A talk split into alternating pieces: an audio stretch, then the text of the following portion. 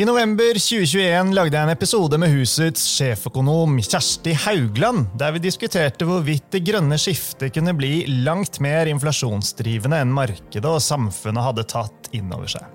I denne episoden, halvannet år senere, skal vi gjøre en oppfølger på tematikken. Er grønnflasjon blitt en utfordring?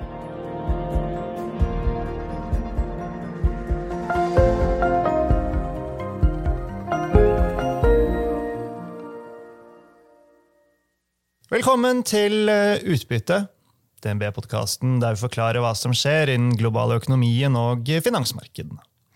Jeg er eh, Marius Brun Haugen, og med meg har jeg Kjersti Haugland. God sommer, Kjersti! God sommer, Marius. Den andre podkasten vi har for eh, sommeren, det er veldig bra. Det har skjedd mye på halvannet år.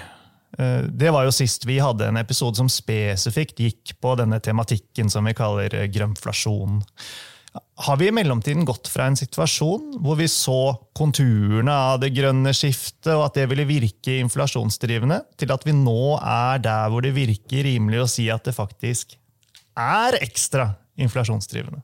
Jeg tror i alle fall at vi har hatt noen episoder som så til de grader illustrerer nettopp grønnflasjon. Og at stadig flere har gått ut på banen, og da snakker jeg om offisielle eh, talspersoner fra sentralbanker etc., som nå snakker om dette som om dette er fasit. Dette er ikke bare noe som en kanskje tror at kan komme, men dette er faktisk noe som kommer til å løfte prisveksten lenger fram i tid. Det snakker de om eh, på sentralbankfronten i ECB, eh, e de gjør det i Norges Bank, og de gjør det egentlig rundt omkring. Det har blitt en egentlig offentlig sannhet. Eh, så sånn sett så kan du si at det, det er veldig lite omstridt, veldig lite kontroversielt nettopp å hevde at mm. det grønne skiftet har kostnadsdrivende effekter. Og når jeg snakker om episoder som har fått illustrert dette her, så er det jo nettopp det som skjedde i forbindelse med uh, Ukraina-invasjonen.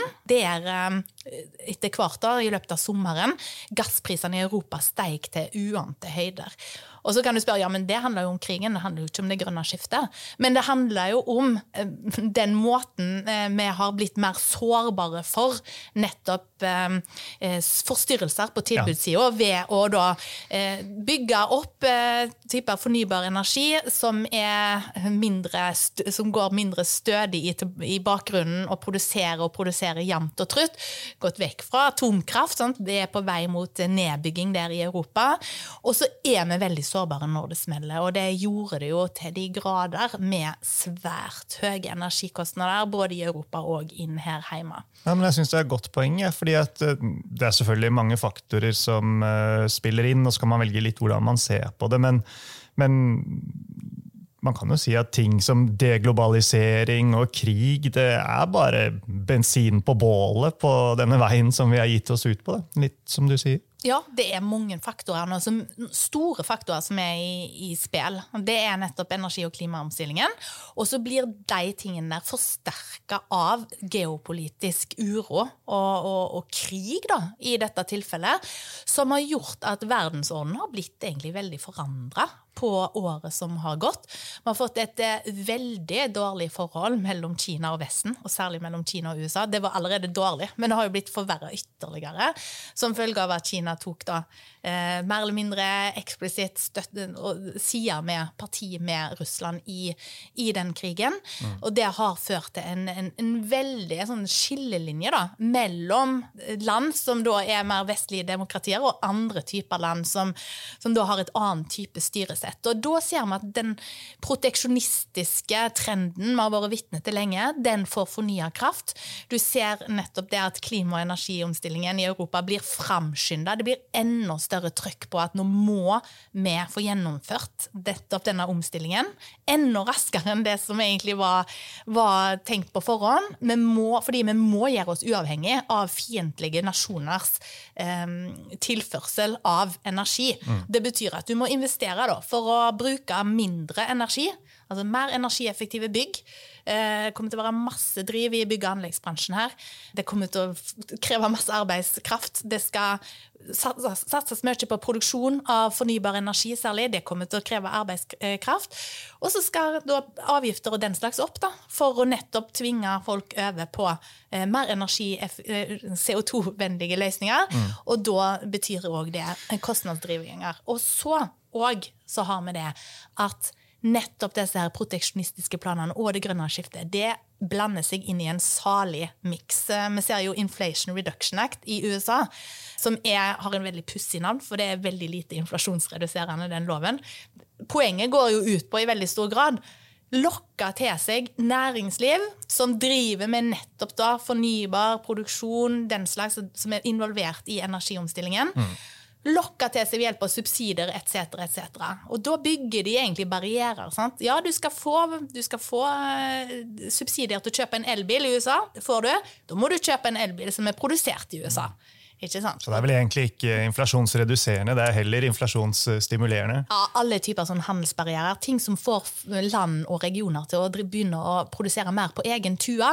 Et mer innadretta næringsliv, eh, der en da i mindre grad benytter seg av komparative fortrinn eh, på tvers av forskjellige land, og der en da i da, de 15-20 årene vi har bak oss, har flytta ut stadig mer produksjon til lavkostnadsland etc. Den tendensen er jo nå Den har jo snudd en tid allerede, men nå er den omsnuinga den er, har egentlig fått forsterka kraft da, av nettopp den proteksjonismen og de geopolitiske spenninger som alle virker i samme retning. Men uh, Ta et eksempel av solenergi. Jeg leste på Bloomberg her forleden at de største kinesiske solenergiselskapene har ned over 40% på børsen i år. Så kan det skyldes flere ting. Men vedkommende som ble intervjuet, han uh, pekte på at eh, solenergi det vil bli billigere med neste generasjons teknologi, men at det er fortsatt det er veldig langt igjen da, ikke sant? til sunne marginer for selskapene. og at man eh, når man går gjennom eh, regnskapene til disse selskapene, så, så er det så å si ingen som tjener penger. Så på, poenget hans eh, var at prisene på solpaneler må opp. Eh, dagen etter eh, så leste jeg her hjemme at eh, Enova skal kutte støtten til kjøp eller installasjon av solpaneler på tak fordi, eh, eh, for private. Fordi at etterspørselen nå er blitt såpass høy at man ser at man kan eh, gjøre dette her. Så liksom nå er dette bare eksempler tatt ut fra uh, hva jeg har lest, men er ikke, er ikke dette bare et eksempel på ting som peker i retning av høyere prisvekst? Jo, det er nettopp det. Fordi nå skal vi Det er jo sånn at uh, den teknologien må, må møte teknologien som skal til da, for å nettopp komme oss over på det karbonnøytrale eh, samfunnet. Den er jo, har, er jo forbundet med veldig høye kostnader. Ikke all, ikke all eh, type fornybar energi, det skal sies, men veldig masse av det som må til da, for å fylle det gapet, eh, det har høyere kostnader. Fordi, særlig fordi teknologien er umoden. ikke sant? Alt snakket om havvind, f.eks. her i Norge særlig. Eh, det er veldig høye kostnader eh, forbundet med det. da. Så Det er gøy at du nevner det, fordi at i mai så fikk jeg lov å reise til vindkraftkonferansen i København. og et av spørsmålene som gikk inn fra investorene til hver eneste CO, det var har du inflasjonsjusteringsmekanismer i eh, kontrakten. Dette var da sånne havvindserviceselskaper som eh, møtte i dette tilfellet. Alle sliter med lønnsomhet ikke sant? og ser på hvordan de kan eh, få løfte prisene. og Når dette da kommer inn i hver eneste kontrakt, er ikke det bare enda en ting som taler for prisvekst? Absolutt. Det gjør det òg. Det gjør det jo i alle prosjekter, sant? fordi materialer øker i pris. Og det er, ja, det er mange noen beina, da. Og det kommer til å være høyere inflasjon i lengre perioder, tror jeg. Og det kommer òg til å vise seg inn i sånne prosjekter som i utgangspunktet kanskje hadde problemer med lønnsomheten. Sant? Og trenger helt klart statlig støtte for å få dette til å gå rundt, til å komme seg til investering. Til storsatsinger, da. Ta matprisene, da. Vi trenger jo ikke å gå lenger enn til Kiwi eller Rema for å se at de har gått eh, ganske så eh, bananas. Eh, Setter litt på spissen, da, kanskje. Men, men, men når alt fremover skal gjøres mer bærekraftig, og det skal implementeres eh, masse ny teknologi og produksjonsmetoder i hele verdikjeden for mat, så kommer jo det med en kostnad som det for meg virker ganske tydelig at det ikke vil forsvinne de neste årene. Da. Altså Kanskje ikke resten av tiåret. Jo mindre effektiviteten går eh, veldig opp, så Nok en ting da, som taler for at det grønne skiftet er inflasjonsdrivende. Det er det, sant? Og husk da, nå er vi, sant? vi er på vei mot Vi skal jobbe mot et, et, et karbonnøytralt samfunn. Og det er jo et gode i seg selv å komme seg til det målet. sant? Men da må vi ikke late som om det ikke har kostnader på vei mot det målet. Det kan godt hende at når vi har oppnådd dette målet, og at ting kommer til å stabilisere seg, og da er prisveksten mer, mer på normale nivåer igjen, men i den, om, den, den overgangsperioden så er det veldig mange faktorer som i lag virker til å øke kostnadsveksten. Og egentlig sånn som du egentlig implisitt sier nå, Marius, er at det, det kommer til å bli slengt ut masse penger på prosjekter. Men vi har dårlig tid å komme oss til det karbonnøytrale samfunnet. Det skal slenges ut masse penger på prosjekter, og mange av de pengene kommer til å være til å være feilinvesteringer. For det er ikke all teknologi her som kommer til å vinne etc. Så det kommer til å ramme produktivitetsveksten i denne perioden her, og det er òg kostnadsdrivende. da. Så det er egentlig veldig få faktorer som er om noen, jeg kan ikke komme på noen, som, som, som tilsier at uh, at dette her kan dempe prisveksten på noe som helst måte, mens det er mange mm. som da peker i, i, i, retning av høyere prisvekst. Så det må vi forberede oss på. Dette gjennomsyrer så mange deler av samfunnet nå. Ja. Det kommer til å føre til ja, men ta, ta, shipping, da. Altså, ikke sant? Elektrifisering av ferger det er jo én ting, da, men skip som frakter korn, gass, container eller hva det enn er over storhavene, det har man ikke knukket koden for henne. Og shipping til havs det er jo helt nødvendig for alle. Det er en veldig viktig del av eh, økonomien. ikke sant? Altså, det vi vel fått demonstrert, ja. Hvis, hvis, de skal bort fra eh, kall det konvensjonell drivstoff og gå på noe annet, da, om det er hydrogen eller hva det er, har jeg ikke godt nok belest. Da, men eh, hvordan i all verden skal man klare det uten at alt blir dyrere? Det krever jo store investeringer. Og så kan du si om de kan seile, for det er mye mer miljøvennlig. Men da er vi jo tilbake på at da er det jo mye mer ineffektivt, og dermed så blir det dyrere likevel. Ja, det er akkurat det. Det er alle disse tingene som, som må til nå for å komme oss fram til målet. De er kostnadsdrivende på hver sin måte, men de peker alle i, eh, i samme retning. Eh, det er store investeringsløft som kreves. Det vil eh, være dyrt, rett og slett. Og en del av den regningen kommer til å komme til forbrukerne. Eh, og det kommer politikerne sikkert til å merke. at sant? Når det er den store middelklassen plutselig merker nettopp det, at alt blir dyrere, alt prisene øker mer enn før, så, så blir det jo litt mer uro omkring de politiske tiltakene sant, som skal til. Det kommer til å bli mer gnisninger, antageligvis, på veien mot nettopp da, det karbonnøytrale samfunnet. At det, det kostnadene vil bli synligere for folk flest. da. Det betyr ikke at det ikke er verdt å ta de kostnadene. Men vi må være oppmerksom på at de er der, eh, og gå inn i dette her med åpne øyne. Mm. Og så er En annen side av ligningen selvfølgelig, som vi også var innom når vi lagde episoden for halvannet eh, år siden. Eh, om vi klarer å redusere overforbruket på en eller annen måte, som vi jo har i deler av verden i dag. Deler av verden, ja, men husk òg at det finnes en veldig stor del av verden som skal vokse, som skal bli rikere, som skal få det bedre, som kommer til å bruke mer energi. Så, så det er nå én ting. Det er jo en stor del av det som åpenbart er et stort dilemma for, eh, for nettopp målene om, om, å nå det karbonnøytrale samfunnet og få ned bruken av fossile kilder til energi. Da. Men, eh, men ja, eh, Vesten, altså nettopp, som bruker mye energi allerede. Men da må vi være helt klar over det, at det vil jo òg føre til at veksten i velferden vår bremser opp. Er norske, europeiske velgere er klar for å akseptere det?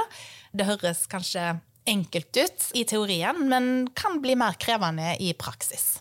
Ja, men Bra det, Kjersti. Um store, store, spørsmål, holdt jeg på å si. Men, eh, og vi har åpenbart ikke fasiten, men, eh, men veldig gøy å diskutere rundt. da. Definitivt. Og det er utrolig gjennomgripende rett og slett i så mange deler av samfunnet nå. Vi har nettopp fått oppleve disse episodene nå som har satt nettopp dette her på spissen. Hva, hva slags samfunn vi er på vei inn i.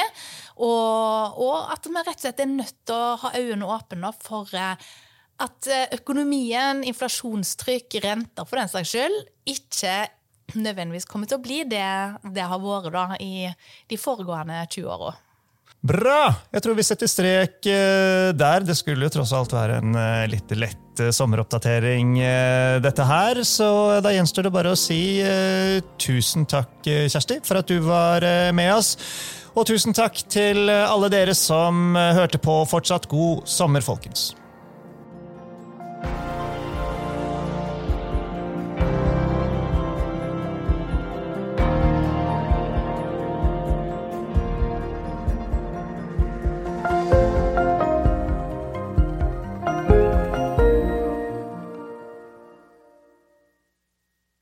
Denne sendingen ble publisert i podkasten Utbytte. Innholdet i sendingen er å anse som markedsføringsmateriale fra DNB og er ment å være generell spareveiledning. Sendingen skal ikke oppfattes som et tilbud om å kjøpe eller selge finansielle instrumenter, eller som investeringsrådgivning tilpasset den enkelte investors situasjon. En investor som har behov for råd eller har spørsmål og informasjon som gis, bør kontakte en finansrådgiver. DNB påtar seg ikke noe ansvar verken for direkte eller indirekte tap som følge av innholdet i sendingen legges til grunn for eventuelle investeringsbeslutninger. Husk at historisk avkastning aldri er noe garanti for fremtidig avkastning. Avkastningen kan bli negativ som følge av kurstap. Bruk av prognoser for å beregne fremtidig avkastning er heller ingen garanti for fremtidig avkastning. Innholdet i sendingen bygger på informasjon fra offentlig tilgjengelige kilder som DNB ser på som pålitelige, men som ikke er uavhengig verifisert. Følgelig gir DNB ingen garanti i forhold til nøyaktighet og fullstendighet. Alle uttalelser her reflekterer DNBs, den enkelte ansatte, eller andre tredjeparts vurderinger på tidspunktet for den aktuelle sendingen, og kan i ettertid endres uten nærmere beskjed. Ytterligere informasjon om bl.a. kildebruk og interessekonflikter er tilgjengelig på dnb.no skråstrek invest, bindestrek disklemer.